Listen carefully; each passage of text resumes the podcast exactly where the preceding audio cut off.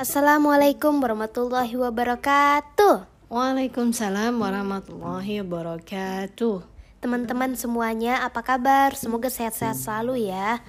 Oke.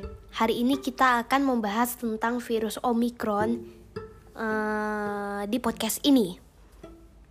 Oke, jadi Omicron itu adalah salah satu jenis em, COVID-19 tapi yang mild ya. Iya, mild banget. Oke, kita sebenarnya udah vaksin ya. Eh, Mami vaksin booster ketiga, sedangkan Aisyah itu vaksin Sinovac. iya Sinovac buat eh, vaksin kedua ya. Eh, vaksin kedua. Iya kan yang pertama di sekolah tuh, Oh iya iya. yang kedua di dokter Piprim kan. Oh iya iya bener-bener. Oke, lanjut. Katanya nih kalau aku google ya kasus Omicron itu sudah mencapai 6.580 tertinggi di Asia Tenggara. Alright, itu per, per tanggal berapa? Nggak tahu sih, katanya sih ini beritanya dikabarin dua hari yang lalu. Oke, dua hari yang lalu tuh berarti sekitar tanggal 24 ya? 24. Ya, 24 Februari. Oke, lanjut. Heeh, Nah, jadi teman-teman, waktu itu kita pernah swab tes PCR. Dan ternyata besoknya keluar hasilnya positif katanya mami. Eh, itu tanggal berapa ya waktu tes itu ya? Eh, nggak 17 nih kalau nggak salah ya nggak sih? Iya sih kayaknya 17 Ya begitu Mhm. Nah, kemarin itu Mami pasti ada sebabnya kan kemarin waktu sebelum tes itu. Apa? Pasti ada sebabnya kan kenapa Mami tes. Ya karena kan eh, Kita kan juga pengen tahu ya keadaan kesehatan kita Karena kan kita pernah ke tempat kerumunan orang Dan jadi kita benar-benar harus memastikan kondisi tubuh kita Dan kata mami itu Omicron itu tuh eh, adalah pen- eh, itu disease yang ringan Ya nggak sih Mi? Nah, itu sih sepengetahuan Mami karena pernah didengar YouTube-nya Ibu Siti Fadilah. Itu memang eh, ini jenis yang mild dibandingkan yang Delta. Ya kan, yang versi Delta.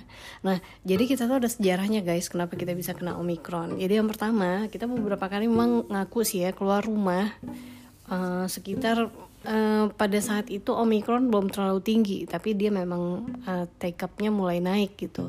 Nah, waktu itu beberapa kali kita memang keluar rumah dan itu memang karena sesuatu mengharuskan kita keluar rumah. Nah, terakhir kali itu kebetulan ya karena itu hari itu memang ada pekerjaan yang mah harus diselesaikan. Tapi lampu mati nih di Iya rumah. jadi mati listrik Ah, dan mati listrik tuh gara-gara gardunya ya meleduk gitu ya. Hah meledak emangnya? Iya ada bunyi boom gitu. Udah gitu ternyata pas dicek ada tupai kesetrum di situ. Aduh kasihan banget Kasian banget dan itu mati loh tupainya. Iya, usia cuma Tuhan yang tahu. Ya cuma Allah yang tahu ya dan itu waktu itu eh, kita manggil tenaga dari PLN kan buat ngeberesin. Dan memang on progress mereka ngeberesin waktu itu kita pesimis nih selesainya cepet nih. Jadi karena pesimis selesai cepet oh ini harus segera cari listrik nah, karena kalau nggak cepet-cepet diselesain tuh pekerjaan bisa lembur sampai malam gitu kan. Jadi karena harus diselesaikan dan harus dicari sumber listrik gitu akhirnya kita pergi ke suatu tempat makan Iya, kita pergi ke suatu tempat makan itu isinya estetik banget. Pokoknya cocok buat teman-teman mau foto-foto di sana nih. Tapi karena aku gak mau spoiler sama tokonya, jadi aku nggak sebutin namanya deh.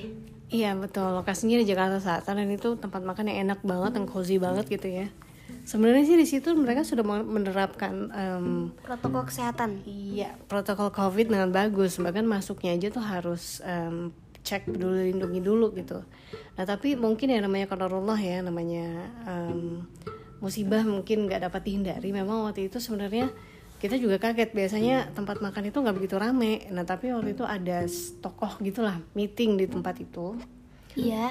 Nah, beliau meeting di tempat itu jadi ngundang banyak orang karena Allah hari itu orangnya ramai banget. Entah karena itu atau mungkin karena hal lainnya kita nggak tahu ya. ya cuman itu salah satu ini sih salah satu suspek em, kenanya kerumunan terakhir yang kami hadiri itu ya itu. Nah, setelah itu berselang sekitar tiga hari setelahnya itu mulai tuh badan kurang enak. Seminggu Ah, jadi maaf ya Mi aku potong aku aja yang cerita. Jadi waktu itu mami itu kayak batuk-batuk, bersin-bersin, pilek, sakit tenggorokan, sesak napas. Karena kan umumnya gejala omikron kan juga begitu ya, termasuk suhu tubuhnya panas. Cuma kayaknya waktu itu, waktu pertama kali kena gejalanya suhu tubuh mami normal aja deh. Tapi mami mengalami tetap mengalami sesak napas, sakit tenggorokan, batuk-batuk, bersin-bersin, pilek, gitu. Iya betul banget. Nah sebenarnya kalau ditanya batuknya ya kan itu berminggu-minggu sebelum seminggu mungkin ya seminggu sebelum itu sebenarnya udah batuk juga gitu loh. Udah mengalami batuk dan agak sana pas juga. Nah cuman memang agak terasa mulai mungkin bukan demam banget ya cuma 37,6 derajat sih waktu itu ya. Uh, dan itu ketika itu memang uh, kondisinya udah ini udah udah drop banget gitu. Jadi apa sekitar tiga hari setelah kami makan di situ uh, itu mulai uh, batuknya agak berat udah gitu. Suatu pagi bangun pagi nih guys itu agak kaget gitu. Kenapa? Aku kan biasanya kalau gosok gigi terus sikat gigi pagi dan malam itu kan ngaca ya buat ngecek ini gigi bener udah bersih apa belum. Nah itu pas ngecek pagi-pagi itu agak kaget juga. Kok lidah pucat banget ya? Pucetnya itu kayak kayak apa ya? Kayak kurang darah gitu. Ada putih-putihnya nggak?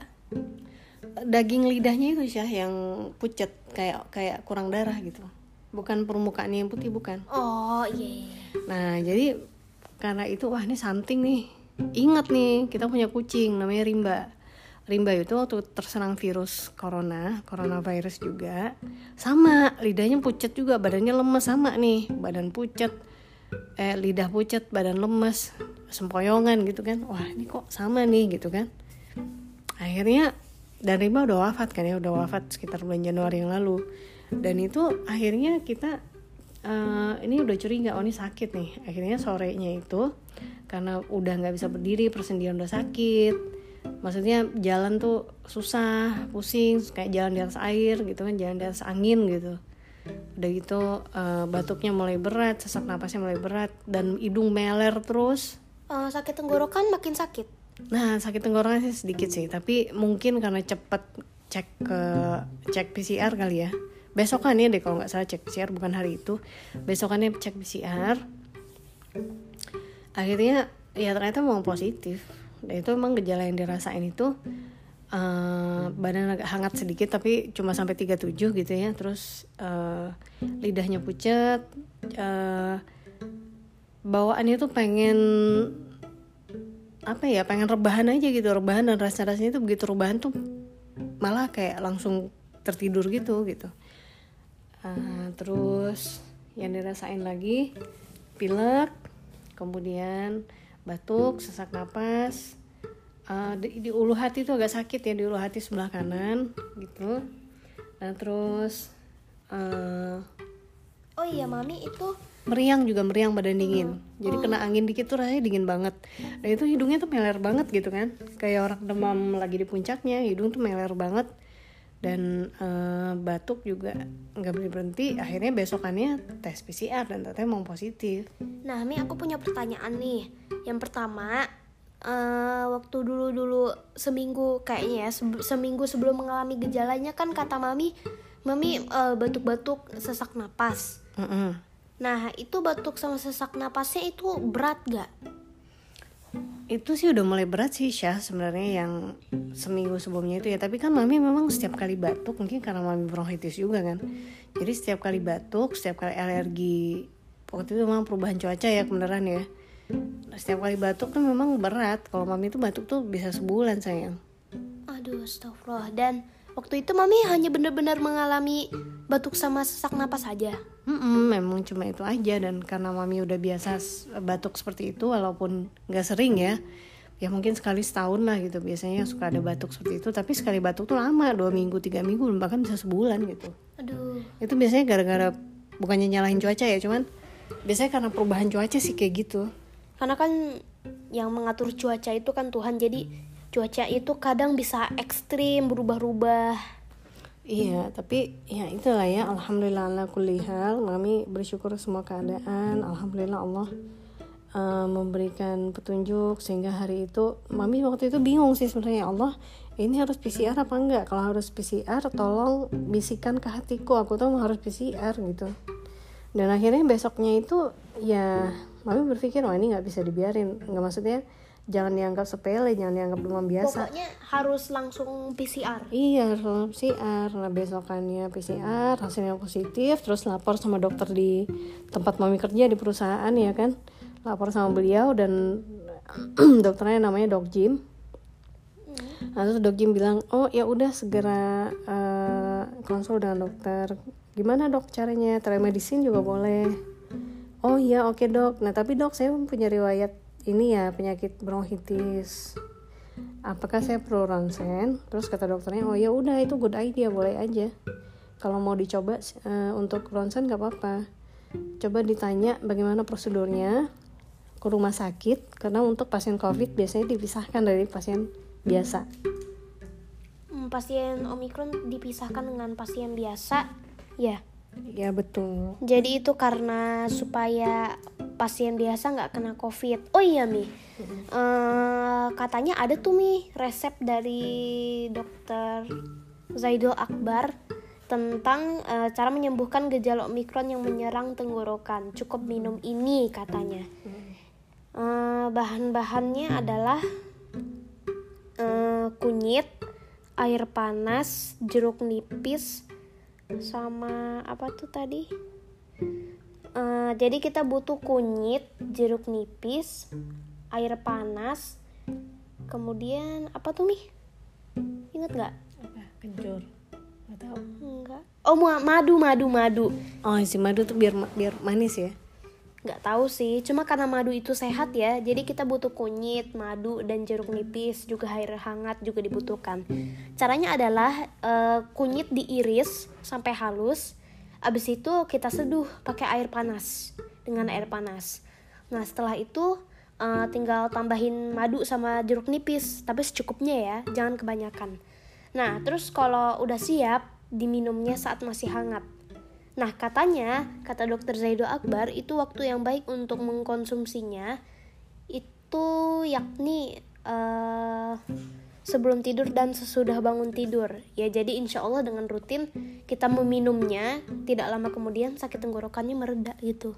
Amin, tapi itu resep buat uh, COVID atau sakit tenggorokan biasa, Syah? Sakit tenggorokan yang gejala Omikron. I see, oke okay, oke okay, oke. Okay. Nah ini juga ada satu lagi ya. ini dikasih tahu sama uh, apa ukti saudari pengajian mami, ya kan? Nah itu kebetulan ikut uh, pengajian ngaji ya guys, uh, pengajian Al-Quran gitu. Ada salah satu pesertanya itu, salah satu membernya itu namanya Ibu Anis. Nah beliau itu juga anaknya tuh pernah ini Syah tante Amil itu pernah sakit juga oh pernah sakit pernah dan itu baru juga sekitar dua minggu yang lalu itu tante Amil tuh uh, apa? Gejalanya mirip lah sama Omikron oh dia ngalamin apa aja? Kalau nggak salah gitu ya. Sorry ya batuk-batuk guys. Kalau satu mereka tuh ini aku sama Aisyah sih ini ya uh, jadi kemarin itu beliau itu kalau nggak salah juga ngalamin demam ya kan demam terus. Apa namanya? Ada uh, pilek kan? pilek dan tepar juga gitu. Akhirnya si tante Anis tuh ngasih air pepaya ya kan? Daun pepaya itu terus di apa di uh, di uh, tumbuk ya. Uh, udah gitu dikasih madu. Kenapa? Ini mau dipindahin ya jadi uh, daun pepaya ditumbuk dikasih jahe satu ruas jari dikasih madu dikasih jeruk nipis Nah itu dikasih anaknya tuh, terus anaknya juga dikasih obat tipes itu loh yang obat cacing itu. Mungkin kalian tahu ya guys. Itu eh, dikasih minum itu karena kan beliau agak khawatir juga mau PCR kan PCR lagi rame-ramenya juga kan kemarin itu. Jadi akhirnya dirawat di rumah tuh sih kayak gitu perawatannya. Dan itu sakitnya cuma dua hari. Dropnya dua hari hari ketiga udah bangkit lagi udah udah membaik keadaannya. Sampai sekitar seminggu itu udah sembuh tante Amelia itu. Wah, keren banget. Itu itu eh, ini mami udah banyak hari belum sembuh juga ya ini. Udah eh, itu ya berapa hari tuh? Udah seminggu langsung sembuh. Nah ini mungkin agak beda ya. Uh, Syah Karena kan Tante Amelia mungkin gak punya riwayat uh, bronkitis eh, nggak uh, punya riwayat permasalahan walaupun ringan ya alhamdulillah mami ini bronkitisnya ringan ya bukan yang berat. Mungkin tapi nggak tahu juga nih mungkin bisa jadi mami besok sih rasanya udah udah udah negatif karena keadaannya sebenarnya udah nggak nggak sesakit yang kemarin gitu ya. Rasanya sih badan ini udah udah jauh membaik sih. Dan nggak kebayang dong guys ini baru yang omikron yang mild ya. Gimana sih orang-orang yang kena delta tuh ya Allah. Itu aku pertama bersyukur uh, seenggaknya Allah kasih itu omikron bukan yang delta. Maksudnya masih masih bersyukur lah bahwa uh, penyakit yang dialami ini itu yang omikron jadi kayaknya sih aku punya maaf motongin ya mi. Jadi aku punya firasat kenapa ya alhamdulillah sih kenanya itu omikron bukan delta? Mungkin uh, oh iya, iya. Jadi uh, kayaknya sih mungkin karena uh, perbedaan antara omikron sama delta itu kok delta itu kan mungkin adalah pe, uh, disease penyakit yang lebih berat daripada omikron sedangkan omikron itu tuh dia ringan Oke. Okay. Uh, cuma kalau kita ngebiarin kita sakit terus nggak dikasih obat nggak di nggak uh, makan makanan bergizi itu mungkin lama-lama bisa makin berat gitu ya jadi mungkin karena omikron ini juga masih misterius banget ya. Dia kelihatan mild tapi kalau dia nggak dirawat dengan baik mungkin dia bisa berkembang jadi penyakit yang mungkin kita nggak tahu dia bermutasi seperti apa juga kan. Atau di badan ini jadi ada ada dampak jangka panjang yang kita nggak sadari ya kan. Hmm, jadi kalau membiarkan kita sakit-sakit terus nggak di kasih uh, obat atau enggak makan makanan bergizi mungkin itu bisa mempengaruhi kondisi tubuh kita gitu. Iya betul juga ya. Nah sedikit pengalaman karena kemarin uh, mami ke dokter gitu kan, jadi datangnya ke UGD sebelumnya udah nanya dulu ya untuk pasien yang terkonfirmasi positif tuh ke mana. Oh itu ada di gedung aneks anu gitu kan. Jadi kebetulan kemarin datang ke RSPI rumah sakit Pondok Indah gitu ya. Terus datang ke UGD emergency. Itu dikasih obat guys. Uh, obatnya antivirus kan? Apa? Obatnya antivirus kan? Iya dikasih antivirus. Hari pertama itu minumnya 8 tablet. 12 jam kemudian minum lagi 8 tablet. Dan hari besokannya itu minum 3 tablet dua kali sehari. Ditambah vitamin-vitamin lah gitu ya. Sama panad ya sejenis uh, apa apa sih? Panadol ya amoxicillin gitu kali ya.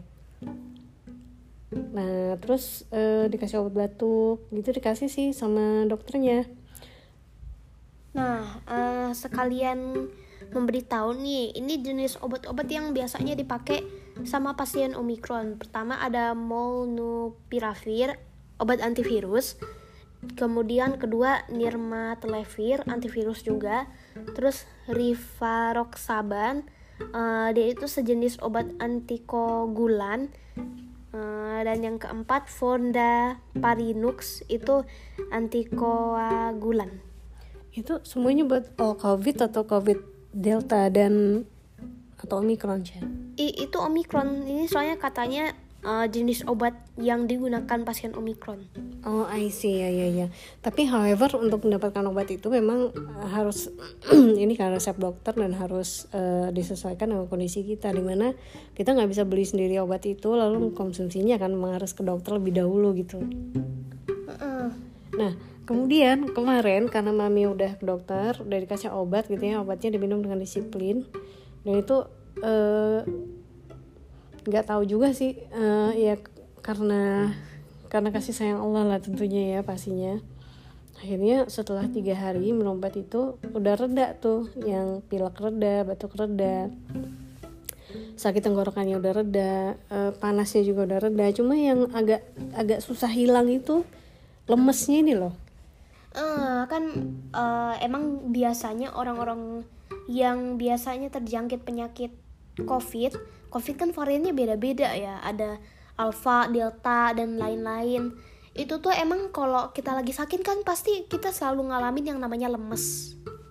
Ah, dan ini tuh lemesnya itu tuh eh, apa yang agak lama kembali itu tenaga itu sih rasanya ya Eh, eh, contoh nih kalau kita tidur tuh eh, kayak capek banget kayak badan tuh kayak capek banget kalau pengen tidur gitu ya. Ya namanya sakit pasti kita tuh suka ngalamin lemes gitu. Udah biasa orang-orang sakit di luar sana aja tuh nggak ada yang kuat-kuat banget gitu. Kalau sakit emang lemes ya iya. Mm, tapi ini sih buat yang sakit ya kan tetap semangat. Karena alhamdulillah anak kuliah kita bersyukuri semua keadaan. Orang yang sakit itu doanya makbul. Iya. Iya saat- jadi doa yang makbul itu doa orang teraniaya doa orang yang sakit. Terus doa ibu kepada orang anak. musafir? Doa orang musafir. Heeh. jadi kalau kita sakit pertama Allah ingin, menggugurkan doa eh, dosa-dosa kita gitu ya iya di di ajaran agama kita seperti itu Nah, dan ketika, ketika kita sakit, itu Allah juga mempermudah naiknya doa-doa. Oh. Jadi ya kita harusnya kalau sakit itu bayangkan ya kita sakit aja Allah tuh menghibur gitu loh. Eh, jadi tuh eh emang Tuhan tuh emang tahu yang terbaik untuk hambanya. Kalau di karena kan eh, sakit itu tuh katanya di ajaran agama kita kan bisa menghapus dosa. Ya di aja eh, Allah bisa itu. Eh, waktu sakit eh, Allah itu dia memerintahkan empat malaikat untuk datang ke si sakit katanya. Oh, ini kalau kita sakit ya. Ah ya waktu kita sakit uh, Allah menyuruh malaikat pertama untuk uh, mengambil kekuatan di tubuhnya sehingga ya itu sih sebabnya orang-orang kok sakit tuh pasti lemes karena kekuatan tubuh mereka tuh diambil sama malaikat. Terus Allah minta malaikat kedua untuk uh, mengambil rasa enak di makanan. Jadi kok makan tuh lidahnya serasa gak enak. Malaikat ketiga Allah suruh uh, apa tuh? Mengambil cahaya di wajahnya, di wajah si sakit ya, supaya wajahnya itu menjadi pucat. Nah, sama malaikat empat, keempat Allah eh, minta dia untuk eh, itu mengambil Ambil dosa. iya mengambil dosa. Nah, setelah kita sembuh, itu Allah memerintahkan malaikat pertama, kedua, dan ketiga mengembalikan cahaya wajah, rasa enak di makanan, sama kekuatan tubuh kecuali malaikat keempat. Karena Allah merasa gak baik ya, eh, nggak baik gitu untuk mengembalikan dosa-dosa ke kita. Iya, dan itu hadiah dari Allah ya. Jadi dicabut dosa-dosa kita dan itu dibuang sama Allah dimaafkan gitu. Heeh. Alhamdulillah. Ya, alhamdulillah ala kulli hal. Betul. Nah, terus eh, intinya guys itu benar juga kata dokter siapa sih aku lupa tuh ya dokter yang Yang di rumah sakit itu kan, bukan ini ada dokter yang tadinya anak pang itu loh. Aku lupa cowok tadinya di doi itu anak pang. Dokter itu mungkin kalian tahu lah guys ya nama beliau ya. Nah, jadi beliau bilang kalau lagi sakit apa aja tuh dimakan, makan semua makanan yang bisa dimakan, jangan di dibatas-batasin apa yang pengen dimakan. Dan kalau lo emang pas sakit kemarin ada juga nih seorang dokter pernah cerita gitu ya, ketika kita lagi pengen makan jeruk itu memang tubuh kita memang sebenarnya lagi butuh vitamin C. Nah gitu juga kalau kita lagi pengen banyak makan daging itu berarti pengen makan ikan atau makan telur gitu ya itu berarti tubuh kita memang sedang butuh protein. jadi yang kita benar-benar lagi merasa kita butuhin adalah yang dibutuhkan tubuh kita. Nah itu jadi pas kemarin itu wah ini apa bawaannya tuh pengen makan daging, telur, sayur, buah gitu. Dan itu ya semua yang pengen dimakan ya udah diikutin aja di dimakan aja gitu. Dan dan eh, apa yang butuh untuk dimakan ya dimakan gitu. Jadi memang untuk kalian yang pernah sakit omikron eh, tetap semangat guys. Dan kita bersyukur kita dapatnya omikron bukan yang Delta. delta. Omikron itu kan ringan ya. Daripada delta. iya. Dan semoga tidak berdampak dan yang punya komorbid semoga tidak berdampak kepada eh, penyakit lainnya dan semoga diangkat penyakitnya oleh Allah dimudahkan aktivitasnya disehatkan kembali lebih sehat daripada sedia kala dan semoga eh, kita semua tidak tidak uh, menjadi lalai dengan ibadah kita walaupun kita sakit. Iya. Oke, kayaknya udah 25 menit ya. Kita emang rencananya podcastnya 25 menit. Ya cukup ya kayaknya ya. Eh, boleh sih. Sedih sih soalnya seru banget podcastnya. Ya nih Aisyah lagi sambil ngedit-ngedit Foto. foto sih. Iya, cuma aku tetap nyimak kok. Dia suka banget guys edit-edit uh, foto, bikin kanva, desain-desain. Itu emang hobiku banget untuk berkreasi digital. Oke guys, baiklah itu aja kabar dari kita. semoga kalian sehat-sehat semua. Yang sakit semoga segera diberikan kesembuhan, kesembuhan oleh Allah dan kita percaya apa pun yang berasal dari Allah itu pasti baik. Yap. Oke. Demikianlah dari kita. Mohon maaf lahir batin kalau ada yang kurang-kurang ya guys. Wabillahi taufiq ya. Assalamualaikum warahmatullahi wabarakatuh. Wabarakatuh. Bye. Iya, See you later on. bye. Sampai jumpa.